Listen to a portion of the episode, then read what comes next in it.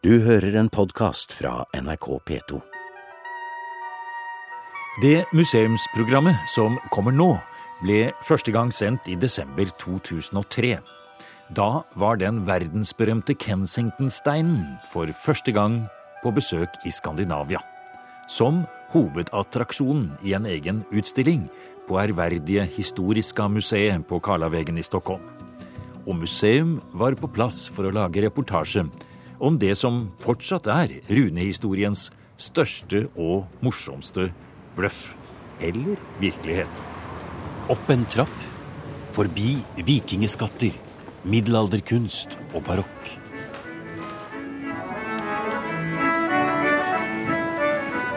Men så trekkspill, video, norske og svenske flagg. Og de amerikanske. Og her kommer vi inn i et eh, amerikansk landskap. Vi er i eh, Minnesota. Vi ser en liten øy her. Og helt foran, inni en eh, stor, flott glassmonter, så står det Ola Olsson. Ja, det är Kensingtonstenen som vi är mycket glada här på Historiska museet i Stockholm att få visa. Og Ola Olsson har god grunn til å være stolt. For hittil har de fleste historikere, arkeologer og runeeksperter bare ristet på hodet av denne amerikanske runestenen. Den har vært for god til å være sann, og blitt avskrevet som bløff, tøys og tull. Men denne holdningen har Historiska i Stockholm greit å snu. Kritikerne strømmer til utstillingen for selv å se det som i det minste må sies å være en svært interessant kulturhistorisk gjenstand, for å si det diplomatisk. Hittills så har vi haft rekordantal besökare för de här veckorna och det, eh, museet har aldrig varit med om ett så stort intresse i media och press. Och inte bara då i Sverige och Norge utan även i Finland, Tyskland och USA. Så det är ett mycket, mycket stort intresse för den här. Men den som hade smilt aller bredest idag är nog den svensk-amerikanske farmeren Olof Öhman som fant stenen under ett tre da han ryddet nytt land like ved det lille tettstedet Kensington i Minnesota i 1898.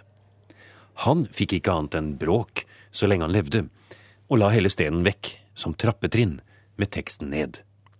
Men i dag er det mange historikere som tenker at hvis stenen er en bløff, så forteller den en spennende historie om det skandinaviske emigrantmiljøet i Minnesota, hvor svensker og nordmenn sto mot italienere og tyskere for 100 år siden. Den norske og skandinaviske nasjonalismen var minst like sterk i Amerika som den var her hjemme i årene før 1905, med vikinger Amundsen og Nansen. Hvem eier Amerika, så å si? Hvem kom først? Italienerne hadde Columbus, mens skandinavene kunne slå i bordet så godt de kunne med Leif Eriksson. Dette var jo tross alt lenge før Ingstad fant boplassene på Newfoundland, og Leif Eriksson veide kanskje ikke så tungt. Man trengte noe håndfast.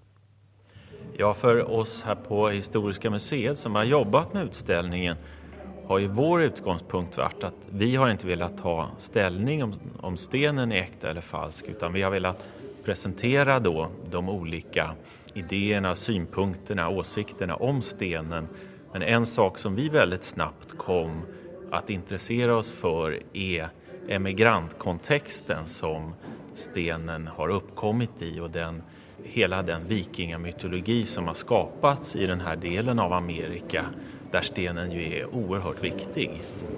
Och visst de äkta historiska rötterna till Minnesota Vikings är viktiga idag med sardinpower och vikingeskib och Big Ole, den två meter höga plastikvikingen med horn i hjälmen som vaktar det lilla runemuseet vid sidan av spritbutiken i Alexandria, så kan vi bare tenke oss hva det betød den gangen stenen ble kjent. En runesten som beviser at norrøne oppdagere kom tilbake i middelalderen. Ikke bare til kysten i nord, men med en stor ekspedisjon langt innover i landet. Litt som emigrantene selv hadde kommet. Slik kunne Kensington-stenen vise at skandinavene ikke bare oppdaget Amerika et par ganger, men så godt som eide Minnesota. 100 år innan Columbus blev född. Man kan ju också säga att det som vi har diskuterat här också att Kensingtonstenen som ett inlägg bland olika emigrantgruppers rätt till Amerika. Att den grupp som starkast kom att kritisera Kensingtonstenen i USA, det var italienamerikanerna. Och det var ju att de såg ju Columbus som italienare här och det var när Kensingtonstenen ställdes ut på Smithsonian-museet i Washington 1948. Vilka var det som framförallt Og det var første gang, altså 50 år etter funnet, at stenen på en måte ble tatt til heder og verdighet inn i en eh, akademisk sammenheng når den ble stilt ut da i Washington. Ja, det var ju mycket på grund av den eh, danskättade privathistorikern Hjalmar Holland som hade turnerat med Kensingtonstenen under 20 och 30 40-talet och skrivit ett antal populära böcker. Jag kan säga att det var, det var hans förtjänst att den kom till eh, Smithsonian. Og da protesterte italienerne, altså. Ja, det, det finns ju många historier om det här men, men den ställdes ju ut i samband med vad jag förstår Columbusdagen i Amerika och det var oerhört provocerande då att tanken att Amerika upptäcktes av skandinaver. Og ikke bare én, men to ganger. Visst, Precis, ja, ja. precis. två gånger. La la di la la meg. La la di la la meg. Och hör du i la la så svarar du meg. På långa leken så la la jag. And then she said her father would answer her. Way down in the valley. Norsk folkemusikk i Amerika. Her såkalt lalling, tatt opp i Wisconsin i 1961, er et lite eksempel på den skandinaviske emigrantkulturen som omgir Kensington-stenen i det flotte utstillingsrommet på Historiska museet i Stockholm. Men i tillegg til 1900-talls kulturhistorie ser vi også at noen tråder peker til middelalderen. Vi skal inn på 1300-tallet etter svartedauden til kong Magnus Erikssons tid. Ifølge sagaen var han en av dem som sendte en ekspedisjon til Grønland og videre til Vinland for å lete etter de norrøne koloniene. Men ekspedisjonen kom aldri tilbake. Akkurat når denne ekspedisjonen ble sendt, eller om den ble sendt i det hele tatt, kan ikke slås fast som et sikkert faktum, men noen mener det, og foreslår årstallet 1354. I så fall passer det helt utmerket med årstallet 1362, som står nederst på Kensington-stenen. Og for virkelig å få dette helt klart for oss, har vi fått med oss en av Sveriges ledende runologer, seniorforskeren Helmer Gustavsson. Han kommer ikke bare til å lese stenen ord for ord for oss, men han har også med seg i vesken en mulig forklaring på hele gåten.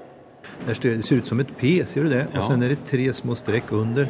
Och det står alltså, P står för fem och sen så de där tre strecken plus tre, det blir då åtta. Ja, Och sen så börjar själva inskriften kan vi säga då med, med runor och där står det åtta göter. ja der ser vi en eh, her. Ja. Och sen så har du ett skiljetecken och sen är det inte bara åtta göter utan och 22 eh, norrmän. Ja. Och, och sen så har du prepositionen på och sen får man, är det lite skadat här men Ja. här har det stått uppdagelsefärd, alltså uppdagelsefärd. Eh, och sen får man veta varifrån den har gått. Frå Vinland. Det var ikke dårlig. Det er altså åtte gjøter og 22 nordmenn som har reist ut fra Vinland, som vi jo vet var navnet på den norrøne Amerika. Ja. Och, över väst. Och sen så, så får vi veta att det står så här. Vi hade läger vid två skär, alltså två öar. Eh, och vi var och fiskade. Vi var och fiske står det. Eh, en dag efter. Alltså du ser, det står uppställt som... Det står det på rader på hverandre. rader Så i de har bok. altså reist fra Vinland, står det, og har eh, vært og fisket. Ja. Og de har da satt opp denne stenen ved en øy. Ja, ehm, och eh, eh, en dags resa norr från denna sten. Eh, vi var på fiske, ja. En dag efter vi kom hem fann tio man eh, döde, eller förlåt mig, röda eh, av blod.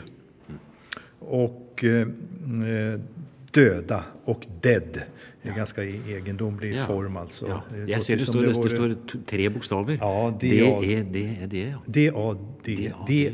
D-A-D, alltså det låter ju väldigt engelskt. Ja, det jo det. Ja. Och sen eh, får, står det en förkortning A M, AVM och det har man tolkat som Ave Maria, alltså åkallan av den, av den heliga jungfrun. Och ehm, ehm, Og den, det siste der er at de påkaller Ave Maria. är fräls, Ja, fräls fräls från ondo, från illu. Och sen eh, så får vi eh, veta att man har tio man eh, vid havet att se efter våra skepp. 14 dagars resa från denna ö. Och där har vi då den här ön som du nämnde. Och sen kommer då själva årtalsuppgiften år 1362. 1362 då också skrivna med de här eh, siffrorna, pentadiska siffrorna. Ja. Så att eh, det är ju en hel liten berättelse om de här åtta göterna och 22 norrmännen som, som då var på, säger den, på upptäcktsfärd kan man säga. Eh, från Vinland och eh, in i landet får man väl se här då. under Før vi nå går mer inn på den rent språklige og runologiske tolkningen av dette, Olsson, så vil jeg gjerne spørre deg, for et lite øyeblikks skyld, hadde det vært mulig at åtte gjøter og 22 nordmenn kunne ha reist inn Hudson og gått til fots opp hit og reist denne stenen i 1362? Ja, det, som sagt, det finns ju väldigt många olika teorier och jag kan väl säga som så att den här utställningen väcker väldigt starka känslor och ett väldigt stort intresse. Vi har inte haft en utställning tidigare där vi har fått så mycket reaktioner. Och jag får ju dagligen eh, e-post och brev från eh, kan man säga både Sverige, Norge men framförallt från Amerika. Och en stor del av, de här eh, meddelanden, breven jag får, det är från privatforskare som vill påvisa just möjligheten att det här faktiskt kan ha skett. Det här är någonting som har lyft utöver den skandinaviska identiteten som säkert var viktigt från början utan det här fascinerar nu människor med helt olika bakgrund faktiskt. Mm. For det er jo ganske påfallende her. Her nevner man Vinland, man nevner gjøter, man nevner nordmenn. Man nämner nevner året 1362, som jo var et år i Norden hvor det kanskje var en del ekspedisjoner. Vi vet at Magnus Eriksson han sendte i hvert fall skip til eh, Grønland, og kanskje videre også. Så den som eventuelt har laget denne innskriften, hvis den ikke er fra samtiden, må ha hatt en god kjennskap og kunnskap til historie. Ja, det är ju helt klart och eh, ju mer man lär sig om den här stenen desto mer förstår man ju att eh, om nu den här stenen är från 1800-talet, det vill jag inte uttala mig om, så är det i så fall en person som har varit väl insatt i eh, historia. Det är helt tydligt. Men her står det en som eh, gjerne vil uttale seg om eh, stenens ekthet. Helmer Gustavsson. eh, Ja, ska jag säga om runinskriftens äkthet. Och jag sa ju att jag kom ju in här lite bakvänt på den här eh, genom att eh, det första som fascinerade mig här när jag läste om den här, det är ju länge sedan jag först läste om den här, det är 20 år sedan och sen så har jag så att säga inte tänkt så mycket på den. Men det var det här året alltså 1362 som är uttryckt på det här egendomliga sättet, alltså Ja. det, med de här systemet som då bygger på fem, alltså fem, basen fem. Och eh, där var det då så att jag kom att tänka på en kollega till mig att var har vi sett det här någonstans mer? Och, eh, Og, og det rett ved siden av her. For som Ja. vi hører nå, så vi er jo inne på utstillingen her nå ved Kensington-stenen, og nå går vi Nå kan bare vi noen til meter bort eh, her. Og da kommer vi monteren. til en ny monter. Og her ligger det noe som på godt norsk heter et åk. Det er altså et eh, bæretre, eller noe man har over skuldrene for å feste eh, bøtter på når man bærer inn fra en brønn, f.eks. Og den har en runeinnskrift. Det er det som er det spesielle med dette bæretreet her. Och där står det då, detta bärträ eh, gjorde jag, eh, den och sen kommer då datum september och eh, ett årtal, inte 1362 utan 1907. Og nå leser du rett av den runeinnskriften som står her. Og det du nå leste opp, det står med runeinnskrift. Den er skrevet i 1907. Og denne innskriften Gustavsson, den har så mange likhetstrekk med Kensington-stenen at du har begynt å trekke noen sammenligninger. Ja. Om man tittar närmare in på den, här, på den här så ser du, om du tar det här ordet bärträ, ok Ja. då, så ser du den andra runan. Bokstaven, det akkurat som en. X, ja. Ja, ett X och sen har du två små prickar ovanför, eh, vilket signalerar att den står för Ä. Och om du går vidare här så kan du läsa september. Och där ser du att den tredje vi har ju flera eh, som ser ut som ben, men de är B, bokstaven B, men de är lite olika. Va? Du ser på det där första B i september, det ser ut som glasögon. ungefär, Ja, va? det står SE og så et SE, eh, par briller, ja. Ja, och sen T, E, M och sen kommer det ett En B ny igen. B, det är en annan slags B. Annan slags B, ja. Och här är det helt klart alltså att de här signalerar, den första signalerar alltså P, Ja. medan det se- senare B där signalerar B. Samma runor återkommer på Kensingtonstenen.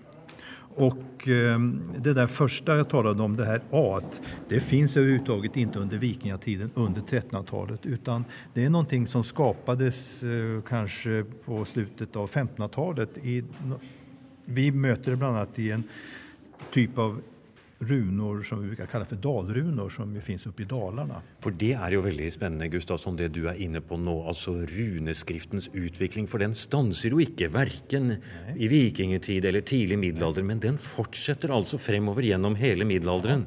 Og her har vi et eksempel fra 1907, fra altså her i Sverige. Og det samme er jo tilfellet i Norge også. Vi har middelalderruner som går langt oppover til vår egen tid. Og her kan vi kanskje finne forklaringen på at eh, Kensington-stedens språk og utforming av runer. Ja, jag har då gått ifrån den minsta delen i ett skriftligt meddelande, nämligen det enskilda tecknet. Och jag kan då konstatera att vi har samma företeelse i de här två. Och det måste ju tala för att de här eh, går tillbaka antingen på gemensam tradition eller att de har skapats vid samma tidpunkt. Och det där gör att jag då direkt kan säga som runolog att inskriften på Kensingtonstenen är inte från 1300-talet utan snarast då från 1800-talet. Och jag ska inte gå in och fördjupa mig i allt för mycket men eh, genom studien av teckensystemet så kan man alltså konstatera det. Sen kan man gå vidare och gå upp till nästa nivå och det är ju ordet alltså. Den rörliga delen i satsen är ju ordet och där har du alltså vissa ordval som knappast som egentligen inte förekom på eh, 1300-talet och det gäller även böjningssystemet. Eh, att man använder singularis eh, istället för pluralis när man talar om att vi skulle säga vi foro skulle vi egentligen säga och, och eh, så. Eh, sen har du också syntaktiskt och det är en norsk eh, forskare som har sagt han tycker känner igen så att säga Kensingtonstenens syntaktiska formuleringar med sådana här brev som norsk-amerikaner skickade hem så att säga när de berättade om det underbara landet och liknande. Så att på alla de Og så här har vi nivåerna... sånne uttrykk som dead og så Ja, videre, visst, som jo visst. denne Ja, visst. sammenblandingen. Ja, visst. Och from alltså. I- Så att eh, tillhopa så talar det för att Kensingtonstenens inskrift inte är så här tidig. Men det hindrar ju inte att det är en oerhört fascinerande inskrift och har belys, kan belysa alltså ska säga, kulturella, sociala förhållanden i det här området under den här perioden, alltså slutet av 1800-talet. Så det du sier nå, Gustavsson, det er at istedenfor 1362, som den som skrev stenen mener å påstå at stenen var fra da, så antyder du nog mer mitten av 1800-talet. Ja, ja, visst, jag kan ju språkligt alltså mm, utifrån teckensystem och sånt där skulle jag vilja säga att det är väl eh, under 1800-talet och sannolikt då, eh, det kan jag säga språkligt. Sen är det ju då också socialhistoriskt, historiskt så kan man fråga sig, fanns det överhuvudtaget skandinaver i det här området, säg på början av 1800-talet? Men då kommer man in på den historiska delen och det är inte mitt område.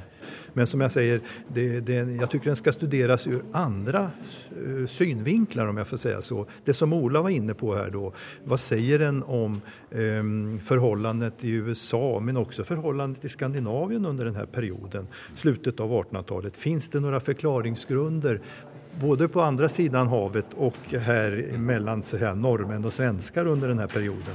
Det tycker jag man kan fördjupa sig i. Och det kan vi se lite på här, eh, Ola Olsson, för om vi går lite längre in på utställningen här så ser vi ju att du har satt upp en stor vägg här med eh, avisuppslag och andra ting både från Chicago Sunday Tribune och från andra amerikanska aviser om denne våldsamma intressen som eh, funnet av denne stenen eh, skapte i USA i sin samtid. Ja, det är ju helt klart att Kensingtonstenen fyller ett stort behov i, i Amerika. Just vad det gäller identitetsskapandet, när den hittades i tidiga 1900-talet bland skandinaver. Men idag då är det uppenbart att även personer utan rötter i Skandinavien är mycket intresserade av stenen och gärna vill se att den är äkta. Och att det verkligen är många, särskilt amatörforskare, men också mer seriösa språkforskare som verkligen vier sitt liv till att bevisa att stenen är äkta, finns också gott dokumenterat på utställningen. För hver eneste en av de syntaktiska och historiska invändningarna Helmer Gustafsson och hans kollegaer anfører, finnes det såkalte motbevis och alternativa förklaringar. Det har blitt skapt en hel meningsindustri rundt Kensington-stenen. Slik har det vel alltid vært med runestener, sier Gustavsson, som advarer mot at man trekker ut deler av historien som kan passe til en bestemt politisk oppfatning. Och det kanske man också ska tänka på, nämligen detta att eh, historia det är ju en källkritisk vetenskap där det är väldigt viktigt alltså att man går in och studerar hur har det egentligen varit och väger olika källor mot varandra. Nu tycker jag man ser en tendens att historia ersätts med historier. Och att man alltså är intresserad av resultatet och inte bara den där att gå tillbaka in i den historiska situationen. Och det där är ju någonting som ju faktiskt man upplevde på 30-talet när man använde alltså inskrifter och liknande för att så att säga främja en egen politisk idé. Jag talar då om nazism och deras utnyttjande av runorna. Och i detta perspektiv är det slående hur Kensington-stenen, oavsett ålder och oavsett vem som har satt den upp, faktisk har fått samme funksjon som en klassisk og ekte runesten skulle ha. Den uttrykker et territorielt krav, den fungerer som en politisk legitimering for en bestemt folkegruppe, i dette tilfellet de skandinaviske nybyggerne, og den har en helt voldsom, nesten magisk kraft den dag i dag. Og nå står den altså her på Historiska museet i Stockholm og er faktisk verdens mest berømte og omtalte runesten gjennom alle tider. Men vi vet fortsatt ikke hvem som sto bak. Hvis den er laget på 1800-tallet, hvem i det skandinaviske Amerika kunne så mye om runer og forhistorie? Dette var på samme tid som Norge fikk sin aller første arkeolog. Helmer Gustavsson har også tenkt på dette, og han trekker bl.a. fram et populært lite hefte som fikk en relativt stor utbredelse på 1800-tallet. Nils Henrik Sjøborgs samlingar for Nordens fornelskare. Der finnes nettopp oppskriften på hvordan man kan skrive tall med runer, slik det er gjort på Kensington-stenen. Men det er jo så mye mer som må stemme. Hele den historiske bakgrunnen och inte minst valget av selve talet 1362 jag tycker det återspeglar sedan en kunskap hos den här personen i fråga om vissa runor. Alltså man kan säga det, det är helt klart att du har en återspegling av dalrunorna men också en annan mycket omfattande kunskap, alltså historisk kunskap. Du pekade ju själv på det här magiska året 1362 eh, där vi har intressant ur svensk-norsk synpunkt. Du har de här resorna, eh, det som du kanske inte nämnde var ju också, om det nu har spelat någon roll, alltså det här slaget på Gotland 1361 och så vidare. Mm. Så att det finns mycket bakom det här. Då kan man fråga sig, kan verkligen en, den här Öman, bonden Öman om man får säga så, kan det vara han som har haft den kunskapen? Och då finns det ju också andra personer i bakgrunden. Det finns ju bland annat då, ska vi säga, en avsutten eh, Gösta Berling-präst så att säga, som också finns med här. Och det är kanske så eh, som har, mm, då inte anknytning till Hälsingland som Öman utan till Västergötland. Och det kan ju vara så att det kanske är den kunskapen som han hade som återspeglas i de här uppgifterna i Kensingtonstenens inskrift. Det är ju inte dåligt här, Olsson. Her har vi kanske både förklaringen på dateringen av steden och også kanske en antydning om vem som kan ha varit opphavsmannen bak. Det är inte noe dåligt att leverera tillbaka till amerikanerna när de ska sende stenen tilbake. Nej, det eh, det är ju så intressant med den här stenen som men du gruer dig kanske lite för att säga det till dem? Ja, så att säga. Jag tycker det skulle vara lite tråkigt om det nu... De, de sänder en runesten till Sverige och får tillbaka en 1800-tals... Eh, ja, vi ska inte bruka ordet förfalskning, men en, en ting. Ja, eh, men jag är, jag är nog, eller jag är helt övertygad om att debatten och diskussionen kring den här stenen kommer fortsätta framöver. Och det är ju oerhört spännande. De här nya uppgifterna och som den speglar vilka tidsaspekter den speglar sekelskiftet skandinaver här och, och de nya uppgifter som kommer. Så att eh, det finns den här stenen har nog många hemligheter än som den ruvar på.